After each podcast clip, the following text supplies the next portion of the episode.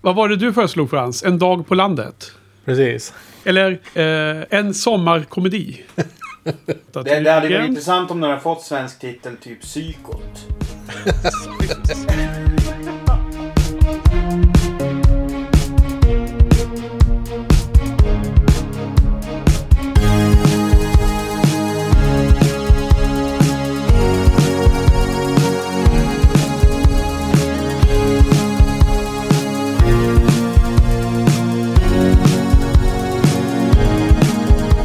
Välkomna till Shiny-podden säsong 9 och det nionde avsnittet. Och nu handlar det om Hitchcock. Och med mig som vanligt har jag mina bisittare, gäster, vänner och eh, superfilmnördar från eh, UK, Reading. Frans, välkommen. Tack. Från djupaste Norrland. Eh, snön ligger djup. Altersbruk. Joel, välkommen. Hallå, hallå.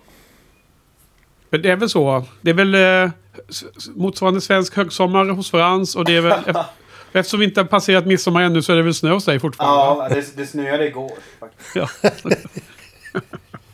och Frans han går i 27 grader i t-shirt på sina lunchpromenader. T-shirt och shorts. Mm. Perfekt. Idag ska vi prata om nästa film i listan och det är ju då den tredje av de fyra Big Four. Så det är Psycho. Och den gjordes ju 1960. Eller ja, den kom ut i alla fall 1960. Och eh, vad säger jag? September 1960. Så jag får väl gissa att den gjordes då också. För de gick väl ganska fort på den tiden. Har vi ju förstått det som. Um, nej men alltså vi kastar oss in i filmsnack här direkt tycker jag. Uh, och eh, idag är det jag som ska prata först tänkte jag. Eh, därför att ni två har ju redan sett den här filmen som jag har förstått det. Och ni har nu sett om den va? Men för mig var det ju faktiskt första gången. Och eh, eh, till skillnad från Vertigo och North by Northwest som jag hade sett flera gånger innan vardera. Så eh, första titeln här nu i eh, veckan eh, för några dagar sedan. Eh, och du frågade ju Ola innan vi kom igång då om, eh, om jag kunde reda ut varför jag inte hade sett den här tidigare. Och jag har ju som inget bra svar på det. Det är väldigt, väldigt tråkigt content egentligen. Men får observera då att eh, jag och Frans har kommer se runt 50 filmer eller vad det nu blir totalt sett Frans. Kanske precis under 50 eller vad det nu skulle bli totalt på de här tre säsongerna.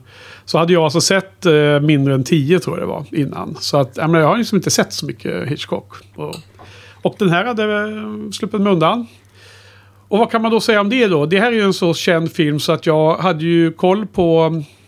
Och nu kommer vi spoila skiten ur filmen som vi gör varenda avsnitt här. Vi sällan nämner. Men eh, vi, så är det ju alltid och jag påminner om det nu då. då.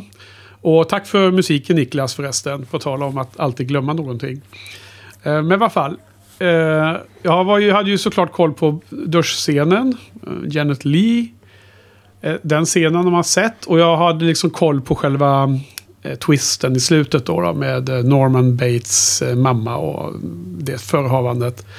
Men, men i det fallet så visste jag bara att, att hon var typ död och att det var någonting. Men jag, jag visste ju inte hur, eh, hur filmen liksom föll ut. I vilken ordning saker och ting händer och hur själva twisten var beskriven.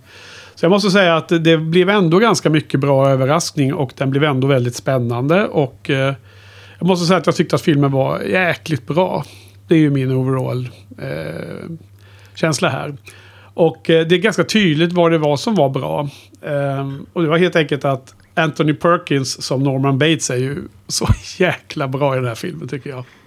Och det gör ju hela filmen alltså. Eh, varje scen som han är med är ju som är lite ett eh, guldkorn som man kan bära med sig resten av livet nu. Hans skådespeleri i den här filmen är ju helt magiskt. Um, nej, men så det är riktigt, riktigt nice. Um, sen då så ehm, var det ju också ganska fräckt kan man säga. Det känns som extremt tidig grepp att Hitchcock hade en film där den, den som man tror kanske skulle vara huvudpersonen då, spelas av Janet Lee här då, Marion Crane, den eh, stora syster Crane då som jag tolkade. Eller kanske lilla syster. skitsamma, jag har ingen aning egentligen. Men att hon dör så tidigt i filmen, det, det var faktiskt en överraskning för mig också. För att jag kände till den där ikoniska scenen som alla refererar till hela tiden och den här musiken och allting. Eh, Men man trodde på något sätt att det kanske skulle komma i slutet ju, Joel. Var, var, var inte det rimliga på något sätt? Så att det var lite överraskning och tyckte det var lite coolt egentligen. Det, det känns som att det har man, jag inte hört om filmen tidigare. Så att jag blir lite förvånad. Att det känns som att det, det, skulle kunna ha nämnts många fler gånger om att det här var en film som väldigt tidigt liksom offade huvud, huvudpersonen. Men det har jag inte hört som sagt. Eh, på nedsidan då, alltså det negativa, så tycker jag att med tanke på hur himla rolig, rolig diskussion om Vertigo som vi tre hade för bara några veckor sedan. Så tycker jag att det känns väldigt trist att den här filmen var tvungen att avslutas med en jättelång expositionsscen. Där den här eh, psykologen kommer in och förklarar det här med eh, två, två personligheter i Norman Bates och han spelar sin mamma och allting. Och jag bara tänkte snabbt vidare att skulle man bara klippt det. Vi har lämnat det helt oförklarat. Och ändå ha med den här sista scenen när, när Norman Bates sitter i, i finkan där och den här helt fantastiska minen som han ger i sista shotet. Då hade ju den här filmen blivit ännu starkare. Och tänk vad mycket olika... Vilken, vilken, vilken, det skulle kunna diskuteras lika mycket som i Blade Runner-nivå. Liksom. Det här, liksom. vad, vad, hur, hur var den här hängde ihop? Liksom. Ja, det hade varit, det hade varit ännu bättre tror jag. Så att, men ändå, väldigt, eh, väldigt bra film. Eh, kan inte vara top of the line eftersom den hade de här eh, konstigheterna. Men mycket, mycket positivt måste jag säga ändå. Så det är min eh, ganska fresh, from, fresh from the first view. Liksom. Mina känslor. Jag har inte analyserat mer än så. Eh, då ska jag eh, kasta vidare ordet här då. då. Frans, du ser väldigt sugen ut. Eller inte? Ja, ja men jag, jag, jag tänkte jag skulle se den, försöka se den med ögonen hos någon som såg den för första gången på 1960 då, när den kom. Ja. Och in, inte visste någonting om några duschar eller twistar eller någonting liksom. Och man, jag tycker man, man fångas ju direkt av Marion som blind av åtrå. Fångar ögonblicket i flykten och flyr med chefens pengar. Mot ja mannen och hur hon föreställer sig ena stunden hur, hur lycklig mannen ska bli och i andra stunden, i nästa stund hur eh, polisen jagar henne och sådär. Så man tänker att kanske, ja men det kanske kan bli, antingen kanske det här är ett psykologiskt drama då där hon bryts ner av sina skuldtjänster eller också är det någon eh, Kanske någon, istället för en oskyldigt anklagad, kanske det är en oanklagad skyldig. Ja. Hon flyr runt landet fast i själva verket kanske chefen reagerar som, på ett mer naturligt sätt som han också gör i filmen. Att han eh, inte alls tänker att hon har snott pengarna utan att han är rädd att hon har råkat ut för någonting och kontaktar ja. hennes familj och sådär. Medan hon, hon flyr hals över huvud tror att hon har polisen i hälarna där. Men sen så helt plötsligt så bara utan någon som helst förvarning så blir hon bara brutalt nerhuggen av någon, någon liten eh, hotellägare där, väldigt anonym eh, eh frånvänd person. Så, så, så a, precis allt man tror om den här filmen bara raseras i ett ögonblick. En Otroligt konstig vändning och det är ungefär halvvägs in i filmen. Och eh, jag tycker som du att Perkins är helt mästerlig. Han är som normal, ibland på gränsen till sammanbrott, sammanbrott, ibland galen. Ibland stammar han, ibland är han säker och fullständigt genial som eh, skådespelare i den här filmen. Jag gillar också den här detektiven som, eh, som lite smått roat plockar isär hans eh, vittnesmål. Och som liksom känner sig totalt överlägsen och har koll på situationen. Tills han också blir brutalt nerhuggen. Ja, det är också lustigt.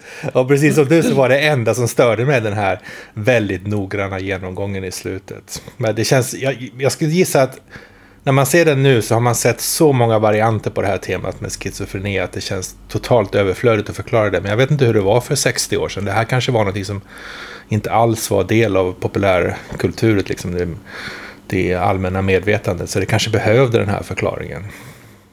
Men, men, ja, men... belöningen kommer ju då, precis som du sa, med i sista, näst sista klippet med Perkins leende ja. som lång, långsamt blir mer och mer fördrivet och till slut glider över i moderns lädertäckta skelett. jo. Nej, jag bara tänker att Hitchcock borde kunna ha varit så pass eh, eh, modig att han eh, skippar förklaringen då. Även om den behövs vid den, vid den tidpunkten så är ju eh, Hitchcocks filmer lever ju än idag och eh, han borde väl ha haft det som eh, antagande. Om han nu trodde på sin konst. Men det är kanske, det är kanske, eh, det är kanske överkursat att ha sådana förväntningar. Okej, men eh, härlig, eh, härlig eh, nedbrytning av hur en eh, eh åskådare på 60-talet kunde se den här filmen. Eh, påminner till viss del då stora likheter med det, hur jag eh, levde mig igenom eh, sagan. Eh, Joel, vad tyckte du om den här filmen? Har du sett den supermånga gånger på filmskolan eller hur, ja, hur jobbade ni? Jag tror att första gången jag såg den var när jag pluggade filmvetenskap. Och då kan det faktiskt ha varit så jävligt så att vi fick se duschscenen separat. Alltså som, för att han, vi hade ju undervisningen skedde ju på en biograf i Örebro. Um, där där han, han körde sina föreläsningar och så sen tog, pratade han om, om scener ur filmer och så visade han klipp. Mm. Det kan, kan vara att jag sett duschscenen då separat liksom. Eh, sen är det klart, jag hade väl hört om filmen innan. Jag tror inte jag hade sett den innan dess. Eh, men i alla fall så, så, såg jag hela filmen i anslutning till det. Sen har jag sett den ganska eh, säkert. Tror jag säkert jag har sett den fyra, fem gånger. Varav senaste gången faktiskt var förra året för att jag höll på att göra en sån här att jag håller på att rensa ur DVD och Blu-rays. För att gå iväg till typ eh, eh, ja, Myrorna med liksom. Och då, då var det, då, då gör jag så här, då kollar jag filmen och så bestämmer jag, ska jag ha kvar den här eller ska den liksom gå vidare? Så att det var liksom det, Psycho stod inför det skranket. Jaha. Hur, hur, hur, gick det för, hur gick det för Psycho då? Fick ja, den vara det... kvar hos dig eller ja. fick den bli övergiven? Nej men den fick vara kvar faktiskt. Ja, vad bra. Eh, och, eh, så att jag kommer egentligen ifrån perspektivet att som sagt jag såg den då förra, förra året för första gången på säkert tio år. Mm. Eh, och nu blir det då en snabb omtitt. Så det är lite, jag känner lite spåret från de här James Bond-filmerna eh, där, där jag hade sett vissa eh, ganska nyligt. Och att det blir lite så att man får, att man är nästan på väg att titta sönder dem. Eh, men, eh, men det är ju en, det är en jättebra film. Fruktansvärt bra film. Ehm, på otroligt många sätt. Det som jag blev imponerad... Eh, det, det, som jag hade fokus på den här gången var faktiskt första halvan av filmen som jag tycker är otroligt välgjord.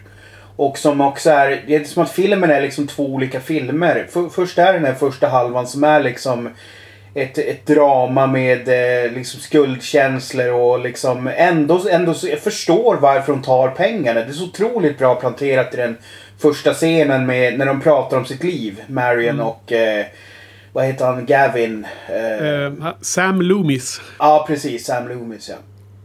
Alltså de, de sätter karaktärerna klockrent och relationen och hur de är på ett ställe där de kanske...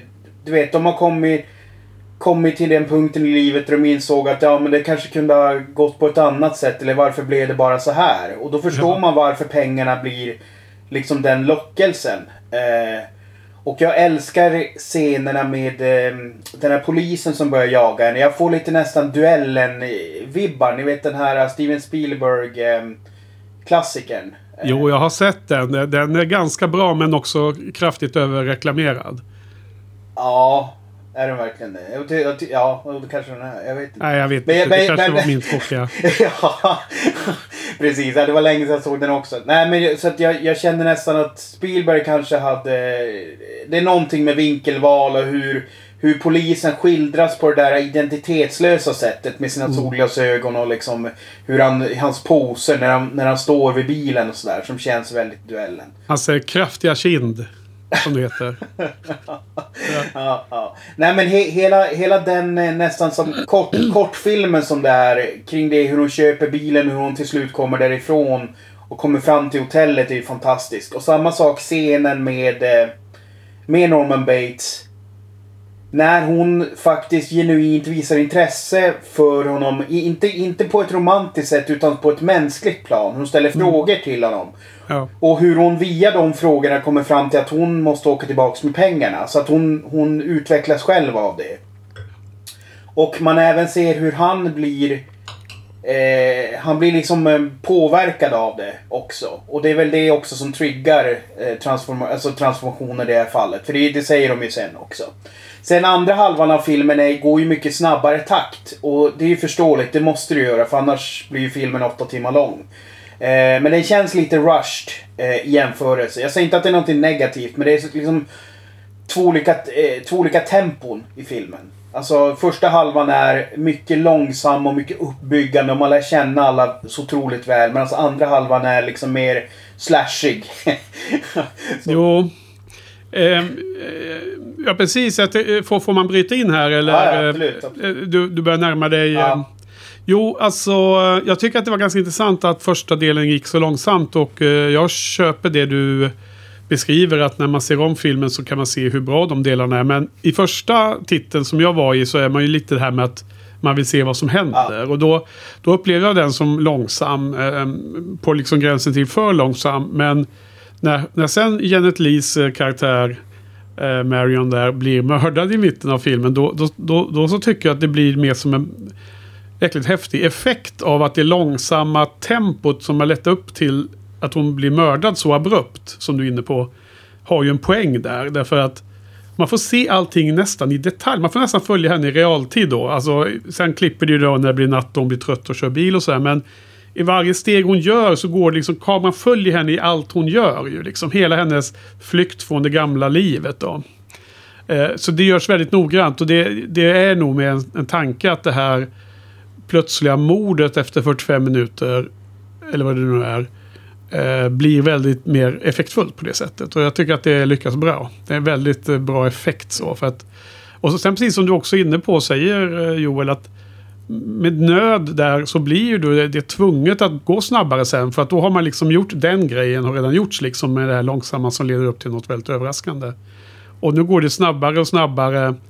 Så att vi liksom med eh, syrran då, Lila Crane, som då för övrigt är Vera Miles, som vi eh, pratade lite om eftersom vi såg henne som den frun som blev psykiskt sjuk i The Wrong Man. Och eh, jag hade gärna sett mer av henne. Jag tyckte hon var eh, det intressantaste i den filmen. Och det var hon som skulle varit med i eh, Vertigo, men då var hon ju gravid.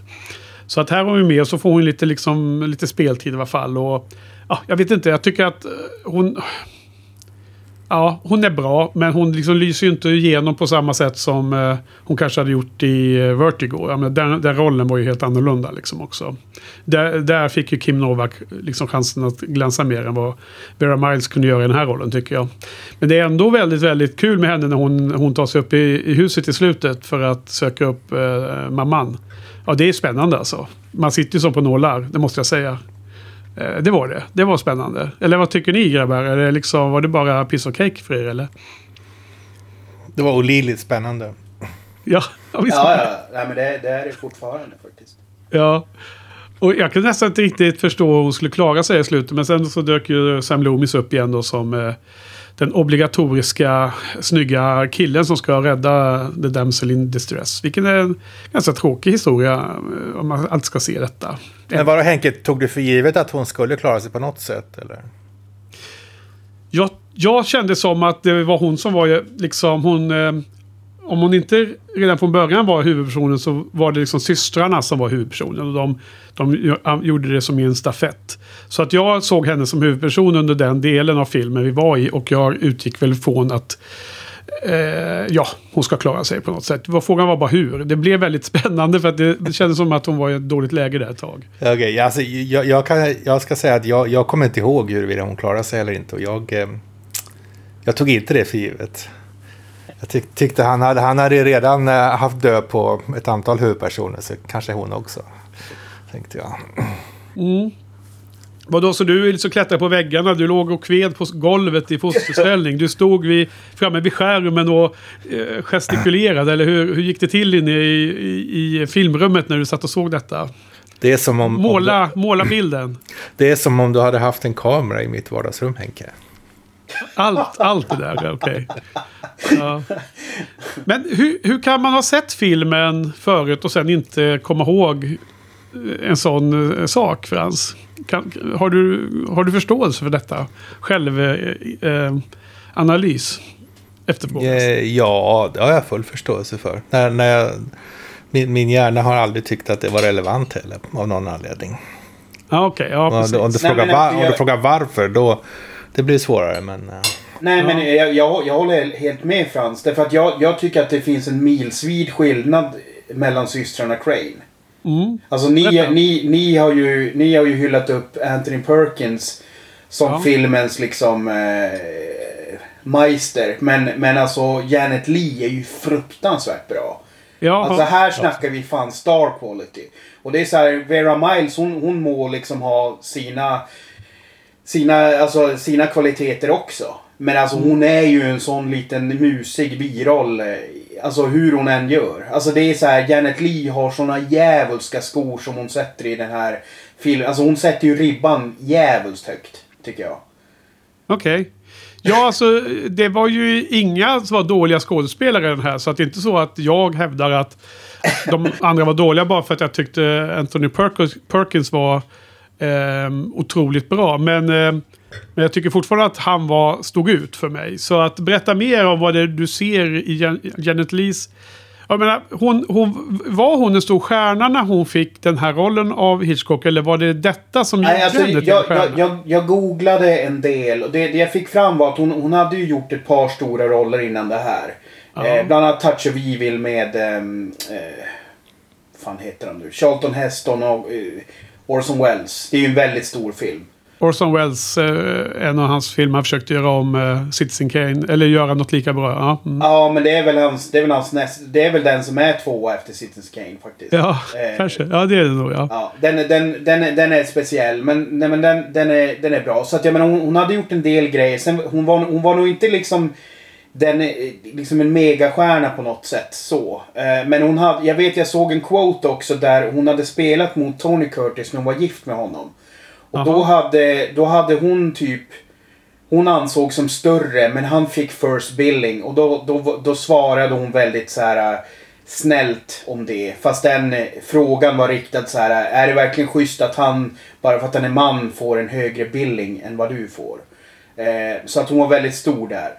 Men se, sen har man ju förstått att hela hennes karriär förändrades ju extremt med den här rollen. Eh, så till den graden att jag nästan, det känns nästan som att hon inte behövde jobba så jävla mycket. Hon kunde välja mycket mer mellan rollerna efter den här. Så att hon liksom trappade ju ner ganska mycket. Karriärsmässigt. Ja. Det, det är min tolkning av det. Men, men jag vet inte. Jag, jag, jag tycker framförallt det, det som jag gillar det är ju återigen den här första halvan hur, hur hon spelar. Dels den här inledningsscenen med eh, Loomis. Som är, jag tycker är otroligt bra. Och det, det är väl någonting så här man kan, man kan känna igen så här att eh, om man nu ska säga så att man kanske skulle sakna att vara i ett förhållande, vilket jag inte gör överlag. Men så som de har det där så kan man ändå se någon slags eh, hur härligt det skulle kunna vara liksom. Ja. även om det är liksom en, även om det är liksom bitterljuvt tonläge i, i scenen. För de är ju ganska missnöjda liksom. Men de är ändå väldigt kära också. Eh, men sen så gillar jag också hur, hur, hur mycket med, hur, för att hon, hon får spela ganska många scener där hon är stum. Alltså där hon bara ska liksom spela med ansiktet. Speciellt när det kommer de här fantastiska voiceover um, när man hör chefen uh, ja, och de här spekulerar, du vet när hon har dåligt samvete. När hon, när hon åker ur staden med, med pengarna och hur hon fantiserar vad de andra säger hela tiden. Ja. De grejerna, jag tycker det är ett fantastiskt berättargrepp. Och uh, jag tycker att hon spelar de delarna bra. Och sen även som sagt scenen med eh, eh, Norman Bates. Tycker jag också hon är otroligt bra. Så att jag, jag är ju, jag, jag, tror att, jag tror att hon blev Oscar-nominerad för bästa biroll. Men jag kan ju tycka att, nu det här är en helt annan diskussion om vad som räknas som en biroll eller inte. Men jag kan ju tycka att det borde ju ha varit en huvudroll. För det är liksom, det finns en kvinnlig huvudroll. Och det är Janet Lee. Det är liksom inte någon annan kvinna i den här filmen som är en huvudroll. Bara, och det, det liksom tar inte bort huvudstatusen bara för att man dör 45 minuter in, tycker jag. Mm. Ja men det, det, alltså jag håller med att hon var bra. Eh, jag har kanske inte sett, eh, jag, ska, jag får se om filmen för att liksom lägga märke till hennes finlig där i början av filmen. Jag, jag är medveten om att man nog blir ganska, eller jag, jag kan i alla fall se film och bli ganska fokuserad på handling mer Speciellt i början av en film och, eh, och liksom mm. ja, ja. Eh, innan man, man hittar sina bearings, liksom, vad är det det här ska leda till, vilken typ av film är det egentligen, så, så kanske man kan missa lite av sånt finlir. Nej men och, och så sen en annan detalj som jag också tycker är intressant. Det är ju att eh, jag, jag kollar lite åldrar på de här. Eh, Vera Miles är två år äldre. Nu, nu känns det lite som att upplägget kanske är att hon ska föreställa lilla syster eh, i filmen. Men sen så är det faktiskt så att Janet Lee är ju alltså äldre också än eh, han som spelar Loomis. Hon är två år äldre. Så jag, tycker jag tyckte bara, det var bara snyggt att, att det var jämn ålder för en gångs skull. Att vi slapp de här eh, James Stewart, 20 år äldre eh, och sådär. Jo. Ja, absolut. Jag, jag försöker hitta ett eh, citat därför att Eh, hon, hon har ju sagt i efterhand att angående Psycho att den var, hennes roll där var så stor och dominant i hennes hela filmkarriär. Men att hon eh, svarar på liksom huruvida det var ett problem att hon var bara känd för Psycho så tyckte hon att om man som skådespelare eh, kan bli känd för någonting så är väl det bara en, eh, eh något man kan vara glad för tyckte hon. En, en annan grej som är fascinerande med duschscenen är ju att det, det påstås ju att den tog typ en vecka att spela in. Ja, jag har också läst att eh, de, de spelade in den minst 20 gånger för att det skulle kunna korsklippas väldigt snabbt så som det blev i slutresultatet. Det är väl över 70, 70 klipp i den va? Ja, det, det, jag såg inte den siffran, men det kanske kan stämma. Och det låter ju som väldigt mycket då, ja. Väldigt eh, många olika tagningar behövs för att få ihop till det, va? Ja, fast det är ju det är fortfarande... Med min nu kunskap från att ha spelat in film så känns det ju som att 90% måste ju ligga på klippgolvet. Ja, ja. Det är ju, det är ju väldigt, väldigt alltså så, så, som film, eller så som scenen blev så, så, är det, så känns det som att de måste ha överfilmat eh, någonting enormt. och det, det, var mest att jag, jag, jag, jag, såg något citat där det stod att hon knappt vågade duscha efteråt utan hon alltid skulle ta ett bad. ja. Då blir det så här, hade jag varit henne och gått på premiären och så såg så här, okej, okay, vart det så här? Alltså nu, det, den här scenen är ju säkert på 60-talet, jag menar en av, en av anledningarna till att jag har hört att den överhuvudtaget var tvungen att göras i svartvit var typ den scenen. Har jag hört någonstans också. Nu är det mycket Joel-gissningar här men eh, det får bli så. Men, alltså, Nej, men jag, jag, jag har faktiskt att... hört en helt annan historia om det. Men, men ja. fortsätt, jag kan dra den sen. Ja, nej, precis. Så, så som jag hörde det så var det liksom att den scenen skulle bli för grafisk i färg, typ. Eh, på den här tiden. Men vad har du hört det Frans? Jag har hört historien så här, jag vet inte alls om det här är sant, men, men jag har hört historien att han kom till, eh, till filmbolaget med den här filmen. Och de, de vägrade göra den. De tyckte, nu har du gjort North by North, Northwest. Stor thriller i färg som, som sålde jättebra. Nu ska du göra fler sådana filmer. Och han sa att, ja men om man gör den i svartvitt då så kostar det inte så mycket. Och de sa att, och de sa att nej, nej, nej, nej, glöm det där. Och då sa han, okej, okay, screw you, sa han. Då, då tar jag mitt, eh, mitt, min crew som jag har när jag gjort mina TV, TV, min tv-serie som man tydligen har gjort några år innan. Ja. Och sen så filmar jag in den här själv på egen bekostnad i svartvitt. Och sen så filmar han hela filmen på typ en månad. Helt, ja, helt, men helt det, själv, liksom. det där låter som att det stämmer. Jag, jag har också förstått det som att den dels gjordes med hans vanliga gäng. Från tv-serien, att det var extremt effektivt. Um, och om, om det skulle vara ekonomiskt betingat att det blev svartvitt, det har jag inte hört någonting om. Men jag, men jag har också hört, och jag tror att man pratar om det i den där um, filmen från 2012 tror jag det var som heter Hitch. Va? Något sånt där, där man, det är en som biografi över eh, Alfred Hitchcocks liv. Som då utspelar sig runt när de spelar in Psycho tror jag. Om jag. jag har sett den men jag kommer knappt ihåg så mycket från den. På tal om min fråga till dig tidigare Frans om hur man glömmer filmer lätt. Men då kommer jag i alla fall ihåg att det pratades om att han var han belånade deras hus och allting. Så mm, men det var, nog ett, det var nog ett rätt bra beslut. Ja, precis. Det, det var det nog. Eh, men vad tycker ni då, oavsett vad grundorsaken var? Vad tycker ni om att den är svartvit då? Personligen tycker jag att det var super nice. Jag tycker att det var... Det var antagligen kanske snyggare än att ha den i färg, känns det som. Jag tror inte ens att jag ens hade lagt märke till. Om jag inte hade vetat om Va? det som en specifik grej, liksom varför han... Eller hade hört den här historien, då tror jag att jag aldrig hade lagt märke till det. Säg, säger den eh, färgblinde Frans, ja.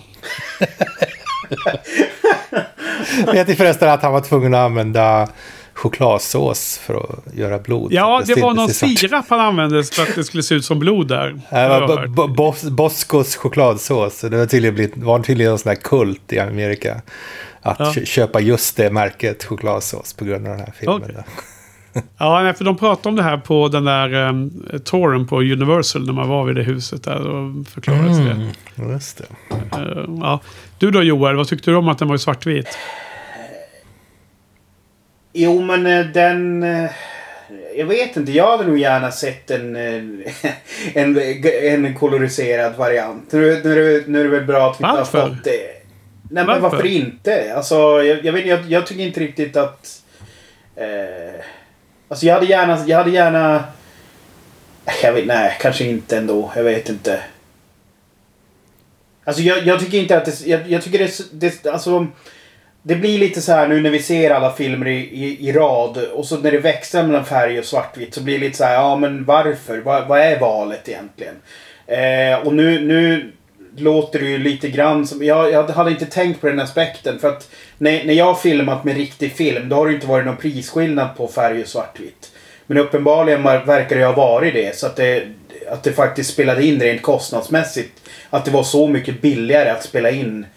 Eh, jag vet inte om filmen var hälften så dyr. Du vet om de hade lager med svartvit film som bara måste ta slut liksom. Eh, jämfört med färgfilm exempelvis. Ja, jag vet inte.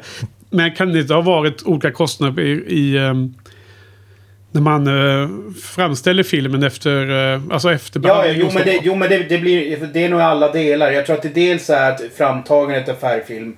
Men sen såklart framkallning är ju att det finns ju fler labb som hanterar svartvit säkert. Jämfört med färg. Alltså, eh, men, post production tänker jag. Ja, fast man jobbade ju inte med, så mycket med sådana grejer då. Så att det är ju det är mer än 90, alltså från 90-talet och framåt och 80-talet när man har specialeffekter och grejer. Så att jag tror inte att, alltså man färgkorrar inte på samma sätt som man gör nu liksom. Nej, men... men eh, om man har en scen i duschen som kan vara en minut eller vad kan vara. Det är, vad sa du, 70 klippningar eller vad du sa Frans. Då skulle ändå hanteras den här filmen och är då färgfilm dyrare eller svårare på något sätt så tar det ju mer kostnad. Jo, jo. Nej, men alltså det, det, uppenbarligen så spelar det in. Men, men jag menar det är ju... Eh, ja, nej men alltså det, det, den funkar ju jättebra liksom. Jag hade nog inte haft något supermycket emot om det hade varit färg. Nu, nu är det ju så här, nu är det här en ikonisk svartvit film. Det här är väl en av liksom... Eh, en av de modernare svartvita filmerna som man, alltså, som man verkligen kommer ihåg. Alltså, jag vet inte. Det finns ju e, efter den här också. Men det här är ju liksom den sista som verkligen har ikonisk svartvit look. Liksom. Så ja. det, det, är därför mm. den är ju som ett cementblock på det sättet. Ja, cementblock, ja. Ja, det är fin, fin bild. Ja, nej men okej. Hon, hon har med rätta blivit berömd för det här. Och, och ehm, men det är inte att man undrar ändå om hur mycket del av, av eh, spekta spektaklet med själva duschscenen, hur det, hur det kan ha påverkat. För jag, jag gissar att det måste vara en del i den här fascinationen till skådespelerskan också. Du, du menar om, om den här scenen inte hade varit med? Ja, jag menar att eh, det är klart att hon blev väldigt berömd. Det för vet ju vi. Vi lever ju efter tiden här. Ja, Men alltså, eh, hon var också med i en väldigt, väldigt eh, eh, känd scen om man säger så. Vi, mm. Det måste ha påverkat varandra, måste ha eh, blivit eh, förstärkt båda sakerna. Både att hon gjorde en bra roll, en bra jobb i den, här, eh, i den här rollen, i den här filmen. Men också den här scenens impact måste ha liksom påverkat det här, mm. känns det som. Ja, du, du menar att någon som bara har sett en scen från filmen så är det alltid just den scenen man har sett? Ja, dels kan det vara en sån effekt. Men jag menar att scenen i sig blir så omtalad och så uppmärksammad och så inpräntad i publikens eh, sinne att den skådespelare som man då ser i den scenen blir ju berömd av det, menar jag. Jo, jo det är sant. Medan eh, Joel och du och vi, jag också köper in på att man kan hylla hennes skådespeleri i hela filmen. Där skådespeleriet just i dödsscenen är inte det centrala utan det är alla andra scener. När hon skådespelar ordentligt liksom. Jag, jag, tror att, jag tror att den spelar in, absolut. Den, den hade nog en sån impact. Återigen, det är ju svårt när man sitter och ska analysera någonting som filmades för så länge sedan och som ansågs som jättenyskapande då. Men liksom det är ju det är ingen slump att man i Scream och sånt hänvisar till Psycho som en av de första slasherfilmerna. Alltså typ ja, som, som allting bygger kring liksom. Ja, verkligen. Så att, så att det, den måste ju ha varit liksom mm. djävulskt i framkanten. Och jag kan inte kan inte själv komma på någonting innan som hade den typen av liksom eh, fram, framtoning. Men, men sen är det ju intressant också för att enligt, och det här tror jag faktiskt är sant. Hitchcock satte ju liksom ett och det här kanske också var för att han ägde filmen mer än tidigare. Men han satte ju också en regel att man fick inte släppa in folk ja. när filmen hade börjat. Just det. Gör lite mer mystik runt filmen. bisarrt att fram till dess så kunde man alltså komma in när det var fem minuter kvar och så sen se sista fem minuterna och så börja se om filmen typ. Och se den från början. Ja, okay. Alltså på bio menar du? Ja, ja, okej. Okay, ja. ja. Ja, ja. Nej, det är han kan ju inte styra hemma, hemmamarknaden så. Nej, jag tänkte så under, under filminspelning. Jag förstod inte riktigt, men nu förstår jag. Ja, eh, eh, precis. Det ska gå på de här Malmö filmdagar, Stockholms filmdagar. Där kommer de in släntrande precis när som helst i filmen. Ja. Men i alla fall. Um, nej, men, nej, men, nej, men så att jag, jag, jag tror ju ändå. Det, det, det tycker jag ändå förstärker tesen att man vill, alltså jag, jag tror att Janet Lee var tillräckligt stor för att hon, alltså att hon var en realistisk, eh, liksom... Eh, Le vet, leading lady. Ja, exakt. Precis. Mm. Och grejen är att då, då, då, om, det är ju lite grann som om man nu skulle se en film man inte vet någonting om och så blir liksom Persbrandt ihjäl eh, skjuten i minut 45 liksom. När man har trott att han ska vara liksom huvudkaraktären genom hela filmen lite grann. Ja, precis. Mm. Besvikelsen. Man får se Persbrandt. När, när han som någon slags björn var huvudpersonen i den andra eh, Hobbit-filmen. Visste ju alla i Sverige. vem, vem, vem, är, vem är Persbrandt? det är en klassskådespelare Frans. Från Aha, Sverige. Okay.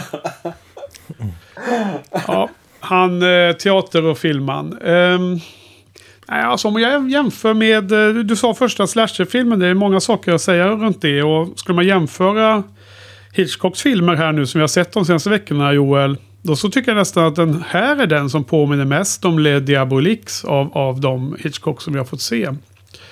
Eh, även om det själva psykologiska mm, dramat fanns där i Vertigo. Och eh, det känns som att det, de fröna kommer från de där författarna som har skrivit eh, böckerna. Men jag tyckte själva känsloregistret och själva att det är liksom ganska rått eller brutalt. Så tycker jag att den här filmen är mer lik Diabolik än vad Vertigo var faktiskt. Nej, nej, men, nej men absolut. Jag, jag kan... Eh, jag, jag, kan hålla med om att det finns ju någonting rått oförmildrande. Men däremot finns det ju många andra gånger som han använt liknande vändningar som är i led, led diabolik. Men kanske inte lika effektfullt som i led diabolik. Däremot så kanske han inspirerades utav eh, hur rakt på sak Eh, han var i vissa... Och jag menar den här filmen är ju efter. Så att eh, han hade väl sett och kanske blivit inspirerad eller någonting. Jag vet inte. Ja.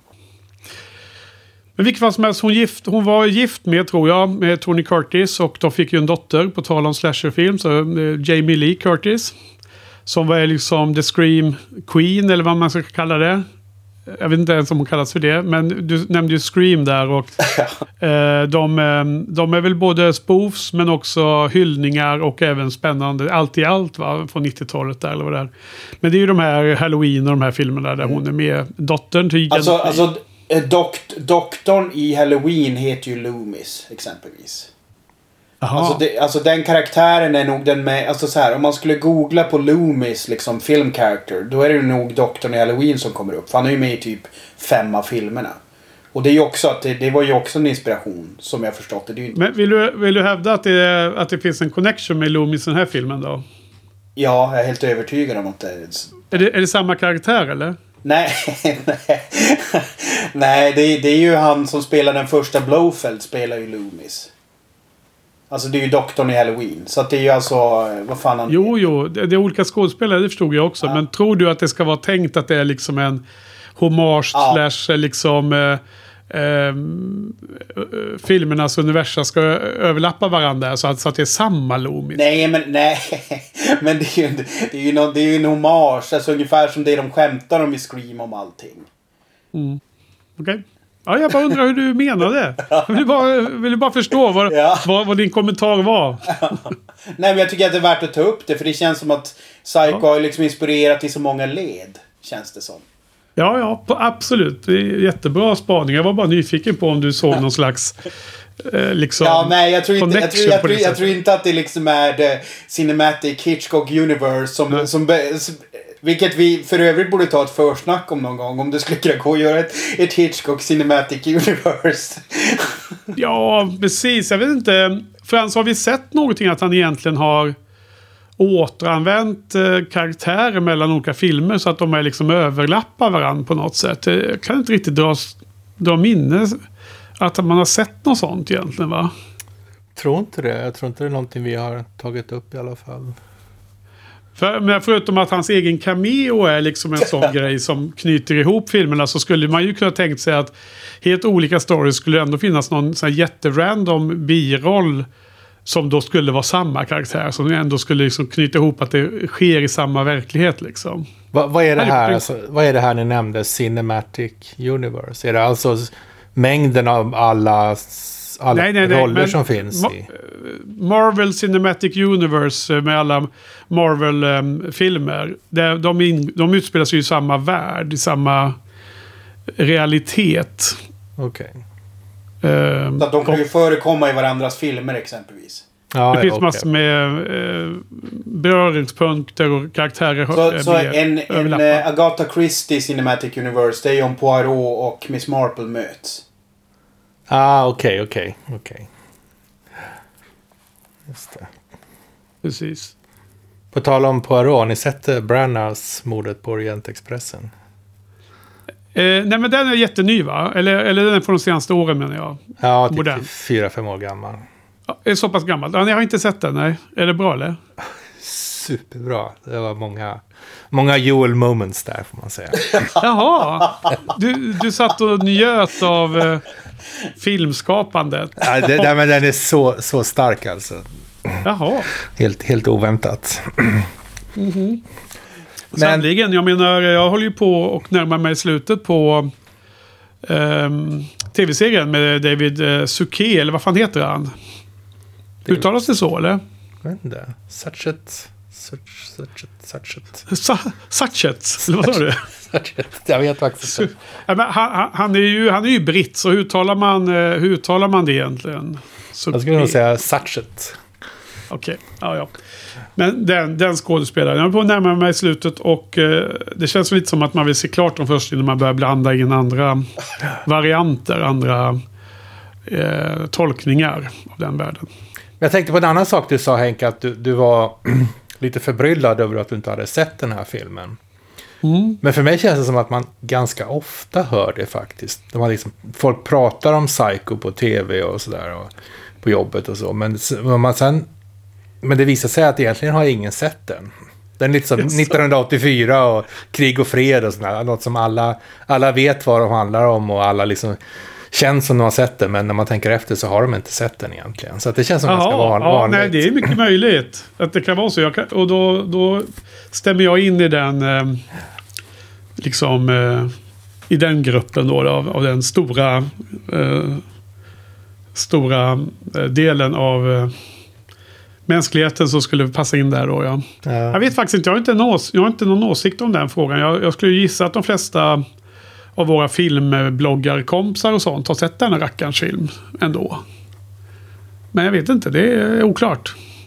Nej, men det kanske är så att man, man, man, tror, man tror man vet vad den handlar om med den här dusch. Man har sett duschscenen och allt det där. Så att tycker det är liksom ingen mening att se den för man vet redan vad Ja, alltså det, det brukar vara min reaktion faktiskt på om, om jag har fått någonting sönderspoilat till den grad som, som jag kan tänka mig att, att det, när man ser Psycho första gången har sett så jävla många spoofs Liksom, det, det, har väl funnits i allt från nakna pistolen till gud vet allting. Alltså, ja. Det finns väl psykoreferenser liksom. Säkert. Ja. Eh, och då, då brukar jag personligen själv dra ner mina, mina förväntningar om jag ens vill se filmen överhuvudtaget. Och om jag väl ser den så är det så okej okay, jag är beredd på att jag nu, nu kommer jag se, liksom se originalvarianter som är liksom eh, ja, antagligen inte lika effektfulla som de spoofs som jag har sett hela tiden liksom. Um, Så det är svårt. Men jag, jag har inget konkret exempel nu som jag kan dra, dra ur hatten så. För egen del. Men det är väl en intressant spaning överlag. Jag försöker tänka nu också. Om, om jag har någon insyn i om, om det liksom överlag. Alltså grejen är att nu, nu, är det ju, nu har det ju gått nästan 20 år sedan jag började se de här filmerna. Så att folk som är yngre än mig och som kanske inte liksom är involverade i någon film exempelvis. De vet jag inte ens hur de skulle snubbla över såna här filmer nu i den. Nej, det är en gammal svartvit, svartvit film liksom. Den måste ligga långt ner på deras ja. list, lista över osedda filmer. Ja, och så nu, nu när ni sitter och pratar om den här frågeställningen så sitter jag och tänker att när vi växte upp eh, det känns lite som att man såg eh, vanlig linjär tv mer då. Och det var något som familjerna eh, samlades runt på helgen och sånt. Och man såg sådana här eh, underhållningsprogram på SVT. Och där, där, där blev det den effekten att massa sådana här klassiska filmsnuttar och sånt blev en del av den gemensamma DNA att ha koll på kulturen. Via sådana liksom program som alla såg. Och, och, även om inte man såg Psycho då som helfilm så tror jag att jag har liksom, någonstans har man ju fångat upp den här eh, det faktum att den här duschscenen finns. Liksom. Någonstans har, har, jag ju lärt mig om det genom åren utan att jag har sett filmen. Så att Frågan är om den, den typen av att det sprids sån liksom allmän kunskap om kultur eh, artefakter som är liksom eh, välkända. Om det på samma sätt eh, existerar det för dagens barn. Därför att allt är så splittrat och uppdelat på att sitta helt ensam över en, en skärm och konsumera kultur. Mm. Så det kanske blir ett... Eh, eh kidsen kommer och säger Psycho, vad är det? Nej, det är gammalt liksom. Den är ju gjord, det, som en systerbarn sa, sa till mig att liksom, eh, filmer som, eh, som är gjord liksom Eh, före Millennium var ju gammal film. Och jag tänker ju liksom 90-talsfilm. Liksom. The Net och alla de här. Det är ju ganska nya filmer. Ja. Just The Net känns ju ganska gammalt på grund av, på, på, på, grund av eh, teknologin. Eh, att den är så timestampad på grund av data, diskett, floppyn och allt det där. Men många filmer från 90-tal kan kännas som att det är ju liksom är ju ny film och så. Ja, alltså det, precis. Men, men där är det ju. För mig är ju 90-talsfilm är ju kanske en av de största liksom pelar, eh, pelarårtiondena med, med riktigt bra film. Liksom. För där, där är det mycket de här generic bra actionfilmer som jag gillar. Och det, det var därför jag, jag, blev, jag blev så här, jag, när jag diskuterade med någon som var lite yngre och började hävda, när jag, när jag, när jag sa att ja, men Long Kiss Goodnight är så fruktansvärt bra. Nu har vi tagit upp den flera gånger här och det är, det är en film som jag verkligen står bakom. Och så, och så den personen bara, men vad fan den är ju från 93. Och jag bara, ja vadå? Den är från 93 liksom. Som, ja. som att det var liksom, som att den var från 50-talet. Ja, ja, ja. Och det blir så här otroligt liksom. Men om man är, om man är född, född på 2000-talet så är ju en film från 93 lika gammal som en film från uh, typ tidigt 60-tal för oss. Ja, jag vet. Så att, jag, jag Precis, men markörerna är ju ändå lite annorlunda. För kollar du på en 90-talsfilm så ser det ju inte riktigt lika daterat ut kan jag tycka. Ja. Som en nej, nej, men i ens medvetande så är det så. Allt som hände innan man själv kommer ihåg saker. Det är ju gammalt. ja, och, fan, och dessutom så tror jag att jag ljög i citat. Jag tror att det var före 2010 dessutom som systerbarnen refererade till. Eh, det, det kändes nog i mitt huvud... Det, ja, precis. Det, det kändes nog som att det var liksom för absurt. Men nu när jag sitter och tänker tillbaka så tror jag faktiskt att det var det de sa. Men jag förstår det. Jag menar, eh, för en annan, eh, när man såg eh, filmerna i mitten av 80-talet och började se mycket film. Då var ju 70 60 och 50-talsfilm var ju lika gamla kändes det som. Alla var ju bara från förr. Ja.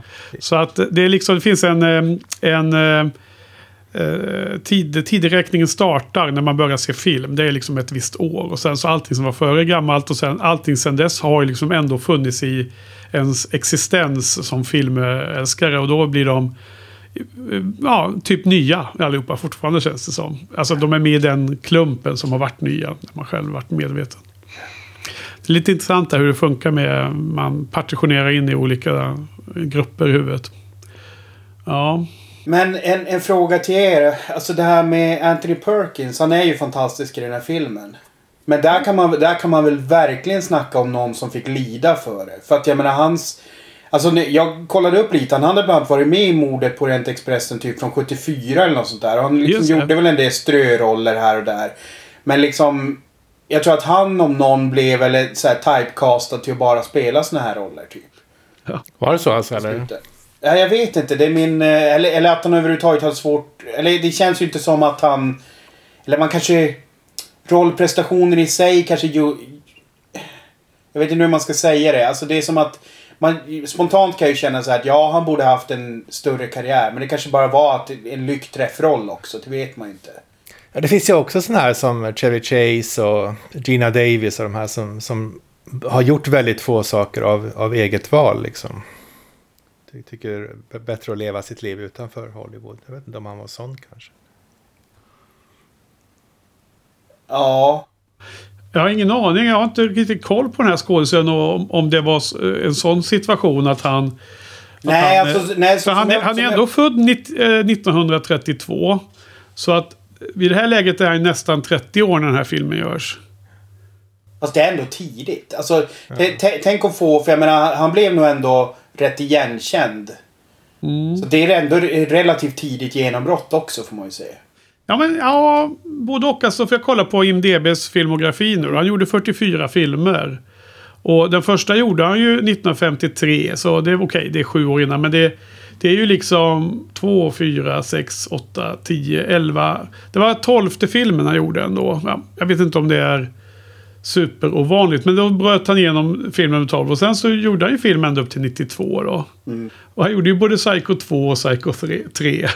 Ja, alltså det... det gjorde om sin roll. Är det, är det här något som är värt att se för övrigt? Och Psycho alltså, 2, alltså, den, 1983. Den research jag gjorde var ju att Psycho 2 var ju tydligen en succé. Alltså på box office. Alltså var en fruktansvärd kassa, kassako. Ja. och där var ju även Vera Miles med igen i samma roll. Aldrig hört talas om de här filmerna. Meg, är, det, är det också Hitchcock eller? nej.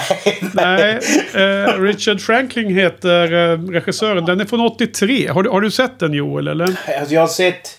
Tror jag har sett... Eh, för länge sen, du vet, när den gick så på TV3 mitt i natten. När man fortfarande, du vet, när inte streaming var en option. Alltså för typ 20 år sedan kanske. Ja. Men, men jag minns ju inte annat än att det kändes eh, som ett jävla spektakel. Okay. Men det är ju det, det, man får ju lite att det är samma känsla som Hajen-uppföljarna. Alltså att det är ju inte i närheten av original. Ja, men Hajen 2 är väl jättebra? är det inte det? Alltså inte lika bra som första, men ändå. Den är ju... Jo, jo, jo, men eh, precis. Men trappsteget blir djupare och djupare. Så det är kanske ja, ja. samma sak med, med att Psycho okay, 2 kanske... Men 1983 så är det alltså 22 år senare. Och eh, Norman Bates kommer tillbaks utifrån... Eh, psyket då. Och så ska han försöka återgå till ett eh, normalt liv. Men han blir... Uh, his mother continue to haunt him. Okej. Okay. Meg, Meg Till är ju rolig. Hon är en himla festlig eh, dam. Hon är med och spelar här. Och sen har vi då 1986 så kommer då trean. Norman Bates. Och då är det... Regissören heter Anthony Perkins för övrigt. Och, och nu, nu så känner man ju inte igen ett enda annat namn då kan man ju säga direkt. Så nu har man tagit det där stora klivet jag, jag, tror jag, jag kollade synopsis på de där igår. Jag tror att trean är något sånt här att han får reda på att han egentligen hade en annan biologisk morsa. Så att det var någon twist med de vändningarna också. Okej. Okay.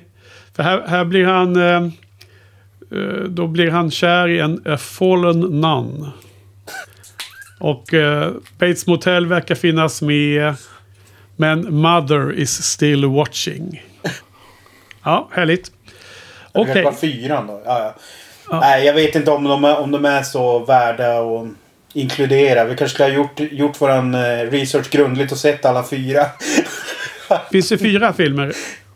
Ja, det, det finns ju fyra liksom i grundfranchisen. Sen finns det även en prequel som gjordes innan fyran. Som in, där Anthony Perkins inte är med. Och så finns ju, så finns ju den här tv-serien Bates Hotel. Eller Bates Motel. Har ni sett den? Nej. Nej, det har jag inte sett. Är det något du har sett? Jag har sett, tror jag, första två säsongerna. Eh, den var helt okej. Okay, men det är ju så här. Det, det är ju... Är det samma story eller vad är det det går ut på? Ja, alltså det är ju det är typ Norman Bates som tonåring med sin mamma. ja, ja. Nej tack. Um, Psycho 4, The Beginning från 1990. TV Movie. Directed by Mick Garris. Nu börjar vi komma på de tunga namnen Joel. Anthony Perkins, Norman Bates. Ja, ja. ja. Nej, men alltså så, som, som jag fattade så var det nog inte att han eh, liksom själv valde att liksom stå ba bakom. Utan det var nog, jag tror, han känns nog som att han försökte eh, liksom eh, satsa, satsa på skådespeleriet. Men, eh, men det känns ju som att jag tror att den här, den här rollen gjorde nog att han hamnade i vissa fack liksom. Och från 80-talet framåt så verkar det uppenbart. Ja, okej. Okay. Okay. Han, han, han kunde inte se på den här utvecklingen med blida ögon som det verkar som att Janet Lee ändå hade funnit sig till mm. rätta i. att eh, Okej, okay, blev, hon blev extremt berömd för bara en roll men hon blev åtminstone berömd ungefär. Liksom är bättre än, än, att inte bli det tyckte hon. Det, det, det, var också en grej. Jag såg att hon har faktiskt skrivit en bok om inspelningen av Psycho. Den ska jag faktiskt försöka hitta för jag tyckte det lät intressant. Hon ja. har skrivit fyra böcker och det, det var en av dem som hon har skrivit. Som det verkar typ helt fokuserat på den inspelningen. Jaha, mm, spännande. Intressant. Jo, nej, men eh, det man har läst sig om utan att vara expert och långt därifrån. Så är det just det att hon inte, äh, att hon liksom drog sig för att duscha efteråt. Och det jag, jag såg någon not om var att hon att det inte var från den här jätte, jättemånga scener de spelade in. Och det måste nog varit superjobbigt liksom. Det var säkert eh, påfrestande och så. Eh, men hon sa att det var när hon såg slutresultatet på bio som hon blev lika rädd. liksom som många andra blev. Och eh, att eh, hon kände sig så... Det var då när hon såg sig själv på, på, scen, på duken att hon insåg hur naken och, och oskyddad man var. Så, att, så hon försökte ju bara bada istället har hon sagt. Och eh, i de fallen det inte fanns badkar, om hon var borta någonstans och så, så kunde hon bara duscha om hon stod med ryggen eh, in mot väggen och, och, och liksom kunde se dörren. Att det inte kom någon. Men det är väl eh, självklart, eh, så gör man väl alltid? Alltså gör man alltid. Jag så att man, så att man inte blev filmen. överfallen menar jag. Ja, men det, eh, Eh, jag har ju inte sett filmen tidigare så nu måste jag börja ställa mig så när jag duschar så att jag kan se om så inte kommer någon och hugger mig. Men det var en lite rolig kommentar från, eh, om Hitchcock. Eh, för då hade han ju fått ett argt brev efter Psycho. Eller? Nej, det måste ha varit mycket, mycket senare. Men Hitchcock var ju sån där... Det var någon sån rolig intervju tror jag det var. Jag såg där om jag nu kommer ihåg rätt vad heter han som intervjuar så himla många kändisar på 70-talet? Amerikansk tv. En väldigt känd intervjuare i alla fall. Eh, det här måste ha varit efter 75 ju. Så här var det. Då hade han fått ett argt brev för att eh, någon pappa hade skrivit att dottern hade slutat bada efter Hajen och slutat eh, duscha efter Psycho. Och då hade tydligen Hitchcock svarat att Send the girl to the dry cleaners. ja. Jag vet inte. Det kanske var... Det kanske var... Det kanske... Oklart om det var eh, historiskt korrekt. Men eh, lite lustigt i alla fall. Vad, vad heter det? En eh, nyskapande i den här filmen. Det var faktiskt första gången man såg något specifikt på film. Vad sa du? Man såg vad då? Eh, något specifikt. Kan ni lista ut vad det var? Någonting man aldrig hade fått se på film förut. Ja, eh, var det en transperson eller? Nej. Nej. Nej, en, det är klart. En, en toalett som spolas. Va? Tydligen någon sån där Hollywood-tabu som han bröt här. Man ser hon spolar ner de här äh, uträkningarna va, som hon har gjort. Du menar själva spolningsgrejen eh, var det första man fick se? Ja, att, att, att det spolades? Okay. Precis, precis. Uh, typen av toalett hade man sett tidigare förstås, ja. Mm, jaha, det var ju lite bisarrt. Just det. Eh, men vad tycker ni om eh, Norman Bates då? Han, vad ger han, han ger liksom eh, vibes av att vara riktigt weird i vissa lägen. Där. Vad, hur tolkar ni honom liksom? Finns det någon tolkning man kan göra av honom? Eller ska det bara vara out there? Liksom odefinierat? Ja, jag har ingen, ingen koll. Men det finns en annan film när Edward Norton spelar en väldigt lik, liknande karaktär. Också med okay. sam, samma mästerliga... Just det vad det nu heter, men mot Richard Gere, jag kommer inte ihåg vad den heter. Mm. Den såg jag också nyligt faktiskt. Vad fasen heter den? Är det någon som sitter i fängelset och Richard Gere är en advokat eller vad ja. är det? Ja, precis. Han är häktad. Precis. Han är häktad. Ja, jag har inte sett den rackaren, men vad heter den då? Är det någonting med... Någonting med Truth. Primal Fear. Primal Fear. Primal Fear. Yes. Okej, men är den rackaren bra? Eller är det någon, Mm, en sån som jag missade? ja, Ja, Så att det, jag, jag menar att det finns väl säkert en sån eh, personlighetstyp beskriven i psykologin då som de har fångat, fångat väldigt väl båda de här skådespelarna. Så den är väldigt, säkert väldigt väl definierad och säkert väldigt, väldigt fel som alla de här personlighetstyperna är. Det- Fel ja, fel, fel beskriven. Jag menar, vem som helst, eh, till exempel det här psyko, psykopat, berömda psykopattestet som vem som helst kan bli psykopat av att svara på. Precis. Det, det är liksom... eh, Det, det som enablaren att bli inskickad till psyket i 25 år. Det är att man är dum nog att ta det där testet. Eller? Ja, men det, kommer ni ihåg eh, M. Night Shyamalans eh, film Split från 2016? Jag har inte sett den. Aldrig hört talas. Eh, det var något av en comeback tror jag från honom. För jag tyckte, jag tyckte själv att den var ganska bra. Eller väldigt bra skulle jag vilja säga till och med. Och eh, det var något av en thriller. Och eh, James McAvoy spelar en, en person, en huvudperson med eh, många personlighetsklyvningar. Alltså många olika personligheter i sig. Um, därav titeln. Men jag tror inte att det är en spoiler. Jag tror inte det. Eller är det? Oklart. Ja, då har du redan spoilat det för oss. Ja, men oklart. Det känns inte som att det var någon twist i Ja, filmen. nej, alltså om, om filmen heter Identity så... Nej, twist, den heter Split, hette den. Bara Ja, Split. ja, just det. Ja, okej. Men, men vilket fall som helst så... Eh, nej, men det, det var nog inte en spoiler tror jag. Utan, eh, men han, han, han var, gjorde ju Sjätte sinnet och sen gjorde han ju... eh, Vad hette den? Eh, Unbreakable. Och sen blev det väl liksom bara så här sämre och sämre och sämre. Va? I alla fall, hans rykte gick väl ner i down the drain. Men sen känns det lite som att Split 2016 var något av en comeback. Liksom. Han fick lite mer cred igen. Alltså den... den Förlåt. ja, säg. Nej, nej, kör du. Alltså de, den mest underskattade Shyamalan-filmen, det är ju The Village. Okej, jag har inte sett de där filmerna i mitten av hans karriär. Du bara, du bara ser den och eh, som vanligt googla ingenting om den. Men det är inte den med... ehm, eh, vad fan heter... Um, ska vi se här nu då. Eh, Mel Gibson är med va? Nej, nej. Det, det, det är den där bor ute en åker. Ja, den är fruktansvärd. Det är liksom Shyamalan eh, väldigt på nedgång. Vänta, vad fasen, vänta jag måste kolla. Sign, sign tror Ja. Signs heter den ja. Just det, Signs. Ja, men Det den, blir- den har jag sett tror jag.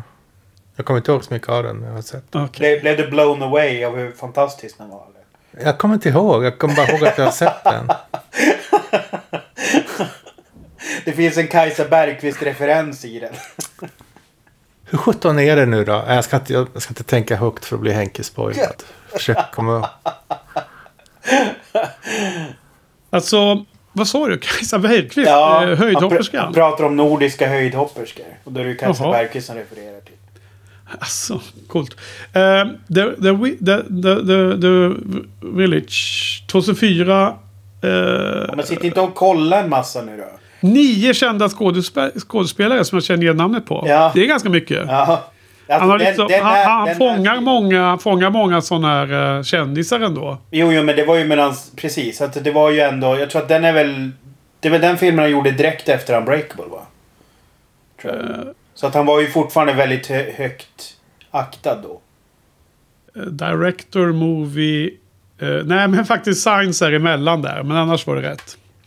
Så att Science hann inte dra ner Nej. mycket. Nej, Nej var men det, det. The Village kan jag faktiskt varmt rekommendera. Just det. Ehm, jag kommer att vi hade en sån här filmspanarträff och gick och såg hans film After Earth. Ehm, en science fiction med... Um, vad fan heter han nu? Will Smith. Will Smiths son. Som var alltså fruktansvärt dålig. Klar 1 av 5 och eh, mycket, mycket risig. Den är så 4,8 på IMDB och det, det händer ju aldrig att kända filmer har så lågt känns som. Så det är ju så tecken på att det är 1 av 5. Men den här som du nämnde, Sjätte sinnet. Vad, vad handlar den om där Henke? Jag tror inte jag har sett den. Och jag tror att du har sett den. Det är en sån här film som alla har sett. Var ett skämt. Försökte skämt. Ja. Men du frågade just vad Cinematic Universe var så det är svårt att veta. Vad är- nivån ligger. Eh, ja. Men, okay. men eh, för att gå tillbaka till Psycho så, så just när det gäller den här slutklämmen som ni var och picka på där i början. Ja. Så kan jag, jag, kan ändå tycka på något sätt att jag, jag håller med liksom för renheten och Hitchcocks, du vet hur han stod på sig så. Så kan jag absolut hålla med. Men samtidigt så tycker jag att den känns inte så malplacerad här faktiskt. Det känns jo. som att man behöver det där lilla andrummet ändå. Nej. Är det inte lite så? Nej. ja, för, mig, för mig var det nog så. Det är klart att man kan fila på hur man formulerar det där. Men exempelvis så det är väl i, i, samma sammanhang som de kommer på att ja, men det finns ju två kroppar till. Eller har ni något fall av försvunna flickor liksom eller något sånt där? Det är väl typ i samma veva, är det inte det? Det kommer upp. Ja, ja, det kommer precis, upp då. Precis. Um, och varför det nu måste klargöras. Nej, nej, ab absolut. Visst, det blir ju, det men, blir ju men, väldigt ohitchcockst. Jag kan hålla med om. Jag tänker Joel att det är klart att hade man kunnat ha någon scen där det var där man fick se eh, Norman Bates att, att, att liksom motsvarande info som gavs i en exposition skulle kunna spelats i en extra scen. Att man skulle få ledtrådar till delar av det här som du eh, tyckte var intressant att det kom fram. Eh, på något sätt. Eh, det är ju inte lättast att snyta sig ur näsan utan det är ju därför det tar lång tid att göra film och skriva manus.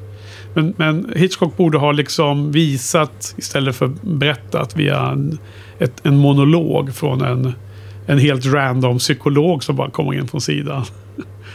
Jag kände som att det var en, en riktig cop-out i slutet.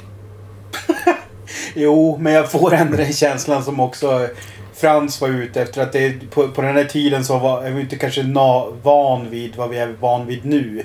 Men sen är ju frågan om, man, om Hitchcock hade levt, om man hade frågat honom nu och de hade gjort en Directors Cut om den hade varit kvar. Det är ju intressant. Det hade den kanske inte varit. Jag menar...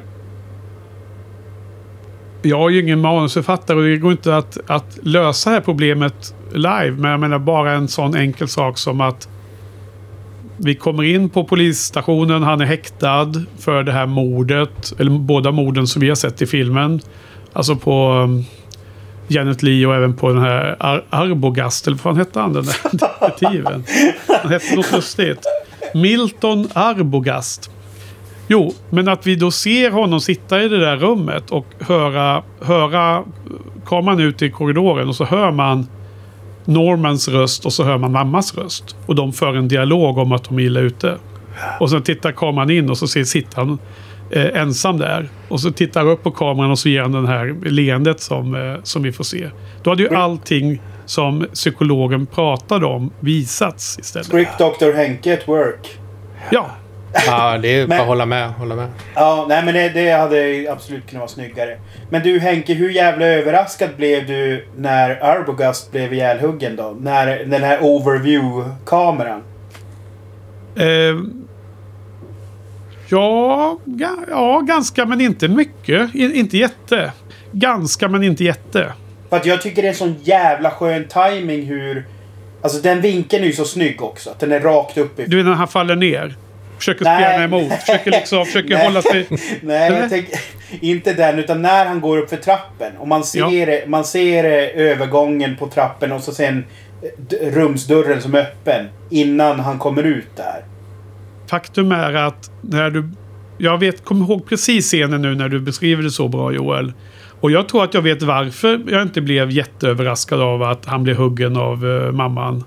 Och det är bara för att jag satt och tänkte på hur Hitchcock hade zoomat där. För att man såg att man fick mycket mer djup i bilden helt plötsligt.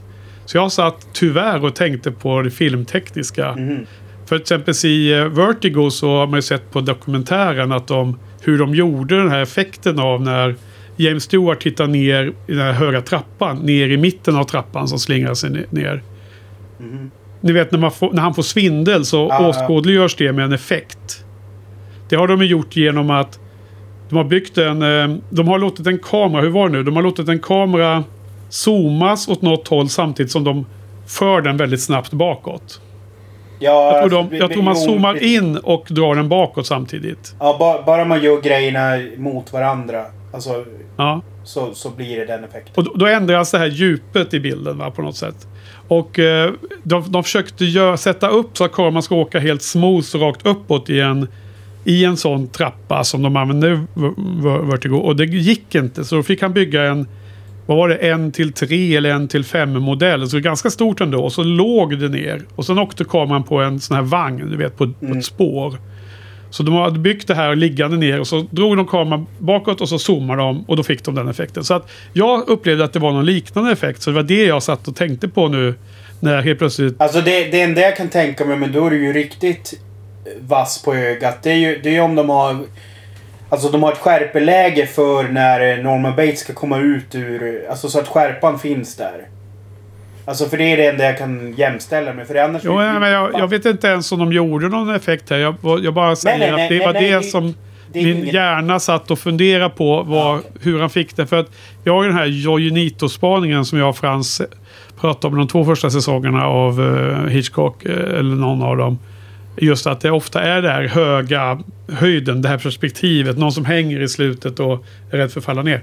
Så jag, jag liksom såg den, den aspekten. Nu har vi det här lustiga kamerajobbet igen. Liksom. Och sen, sen så såg jag att dörren var öppen. Och sen så kom den där, kom ju mamman gående där, eller attackerande. Sen är det lite lustigt att de, han, eh, mamman hugger ju eh, detektiven i bröstet. Men när han faller ner så är han skuren över ansiktet. Så att det är en lite konstig kontinuitetsmiss där. Men det är också ganska bra filmat med den här, sku, den här, det här snittet över ansiktet. är ju så att det är bara som ett svart streck, blodstreck mestadels. Men det finns vissa delar av snittet där det börjar rinna blod redan. Så det är jäkligt bra maskar, eh, vad heter det, maskdesign där. Men, jag tycker det är ganska bra, eh, alltså effektiv hur de visar hur han faller och ändå försöker hålla balansen. Mm. Lite efter han redan har börjat falla. Liksom. Jag tycker man känner, man känner det i kroppen. Att det ja, kanske är så man skulle röra sig. För att man, man försöker fortfarande hålla balansen. liksom. Det är den naturliga berättelsen. Ja. Nej, nej men jag, jag håller med. Jag, ty jag, tycker den sekvensen är fantastisk. Alltså jag gillar den för det, den har alltid varit nästan som att det blir som ett litet dockskåp på något sätt hur det är filmat. Den där delen utav hallen och trappen. Eh, och med våningen. Och så sen kommer de här människorna ut som så två små, eller de är som två små myror liksom i sammanhanget på något sätt. Det är väl också hur det är filmat antagligen. Men jag är alltid fascinerad när den där scenen kommer. Mm. Ja. Vad heter det? Jag har inte hört några, några okvädesord om musiken den här gången.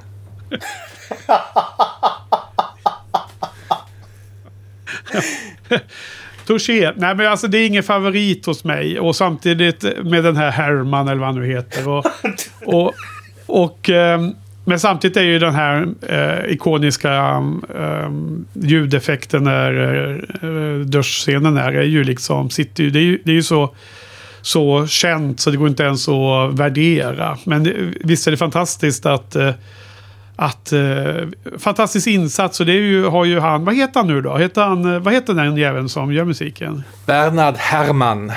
Bernard Herrmann. Hitchcock hade ju bestämt att eh, mordet i duschen skulle ske utan musik. Ja. Men Bernard Herrmann bestämde sig för att eh, skriva musik för den. Och då, och då tyckte Hitchcock att det var helt perfekt tydligen. Ja, precis. Han var tvungen att övertala Hitchcock att lyssna på det där. För han var så inställd på att det bara skulle vara den här kniven som går in i någon mjuk frukt. Eller. Alltså, alltså gre grejen... Jag hade, trott, jag hade trott att det var så jävla bra om det varit utan musik. Ja, jag, tror, jag tror också det. Alltså, nej men alltså, det, det som jag kan störa mig på här är att det här är ett soundtrack som är fullkomligt ointressant att lyssna på separat. Jag menar, det är ju självplågare som lyssnar på det här soundtracket. Mm. Eller? Ja, det är, det är så hysterisk musik igen. Han, han har ju ingen han har en väldigt eh, eh, konstig stil som jag inte alls gillar i... liksom eh, John Williams. det, det, ja, men det är väldigt eh, långt ifrån allt som är bra nu för tiden tycker jag. Eh, det måste finnas någon anledning till att det inte här är typen av filmmusik som återkommer om och om igen nu för tiden. Frans, hur, hur ofta per år plockar du fram Psycho-vinylen och lyssnar på den bara, bara ja. på soundtracket? Ungefär lika ofta som jag lyssnar på någon soundtrack från någon annan film Ja. Det finns vissa soundtracks som jag tycker är helt klart värt att lyssna på. Uh, och då originalmusik, uh, instrumentalt. Um, sen finns det ju filmskivor där man har massor med kända låtar som har använts i filmen. Och det är en helt annan femma såklart. Men, men uh, ja, ja, ingen fan. Du då Frans, tycker du att det här är bra? Tycker du att det är bra i filmens koncept, kontext? Eller tycker du också det är bra på egna ben? Hur, hur, ser du på musiken? Jag ser det alltid som bara i filmens kontext. Ja. Men jag, jag, tyckte, alltså jag tycker att musiken i resten av filmen är bra. Väldigt uh, stämningsfull och passande. Ja, alltså det... det precis, det har, det har du rätt i. Alltså, i, återigen, den första halvan så ligger det ju liksom en smäktande, liksom mer melodramatisk ton över det. Uh, kanske egentligen är just den... Eh, för det är ju förtexterna är ju den här musiken också. Eh, vilket ju blir väldigt... Alltså när förtexterna ligger med de här balkarna som kommer. Ja. Då, är det, då är det ju duschscenens... Så att det är ju liksom en spoiler för det också. På något sätt. Ja, det ska vara så här stressande eh, känsla. Mm. Det funkar. Men det är, inte, det är inte trevlig musik, men det funkar ju att eh, stressa Ja, nej, nej men alltså det är ju så här, man är ju, van, man är ju van att se den. Men jag har för mig att jag faktiskt har sett också någon... Eh, någon YouTube mashup där de har jämfört med och utan musik eller något sånt där. Och jag... Eh, jag vet inte. Jag, jag, jag kan tycka att den eh, nästan tar över lite i den där scenen. För det är liksom, för, för, mig, för mig är inte den stora behållningen med Psycho har nog aldrig riktigt varit duschscenen heller. Så att jag är lite så perplex. Men det är klart, det är väl någon slags tidsstämpel också. Att om, om det nu var så jävla groundbreaking då så har den satt sin prägel liksom. Men jag, jag har aldrig... Alltså visst, det är en fantastisk scen och så. Men som jag sa tidigare, det känns lite mindblown för mig att den tog fem dagar att spela in och liksom... För det är ändå en extremt skyddad miljö. De är ju studio. De är ju inte ute liksom på ett trångt motell och ska försöka filma liksom. De här vinklarna. Utan det är fortfarande studiomiljö. Så att jag blir lite... Och hade jag varit i hennes sits så hade jag nog mest vänt mig till Hitchcock och sagt så här: okej, okay, tog det där en vecka att spela in? Fuck you liksom. För att det liksom i, i slut, i, i filmen i, så som det är slutändan blir så jag hade inte bedömt att det hade tagit en vecka att spela in den liksom. Fuck you Alfred har du sagt. Ja, om jag hade varit henne och liksom upplevt att det var jobbigt. För att det, det känns ändå som att 90% hamnade på klippbordet. Eller klippgolvet. Det, det, det, ser extremt jobbigt ut för henne när hon ligger på golvet med ansiktet i golvet sådär.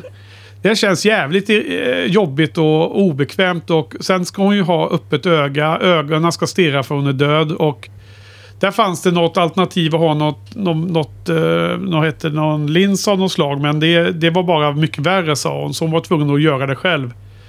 Eh, det, det, det, känns som att det var eh, hardship i, i, i massor. Vattnet var i och för sig varmt då i alla fall. Kommer du ihåg det Frans? Att det var någon jäkla sjöslagscen han spelade där i England på 30-talet. Där massor folk blev sjuka och någon dog i lunginflammation för att det var så kallt vatten inne i studion. ja, Jamaica In var det eller? Ja, jag tror det var ja, precis. alla de där scenerna från havet visade sig vara inspelade i studion. Helt bisarrt liksom. Han har verkligen gjort en, eh, en kustremsa in i en studio med vatten. Och, och, jag tänkte på det när jag såg att det var varmt vatten i den här dusch, eh, duschen då som hon fick om och om igen stå i. Det verkar i alla fall lite bättre tyckte jag. Ja. Sen så ser man, jag tog rör vid ögat precis i slutet så han har ju klippt lite sent där tyvärr.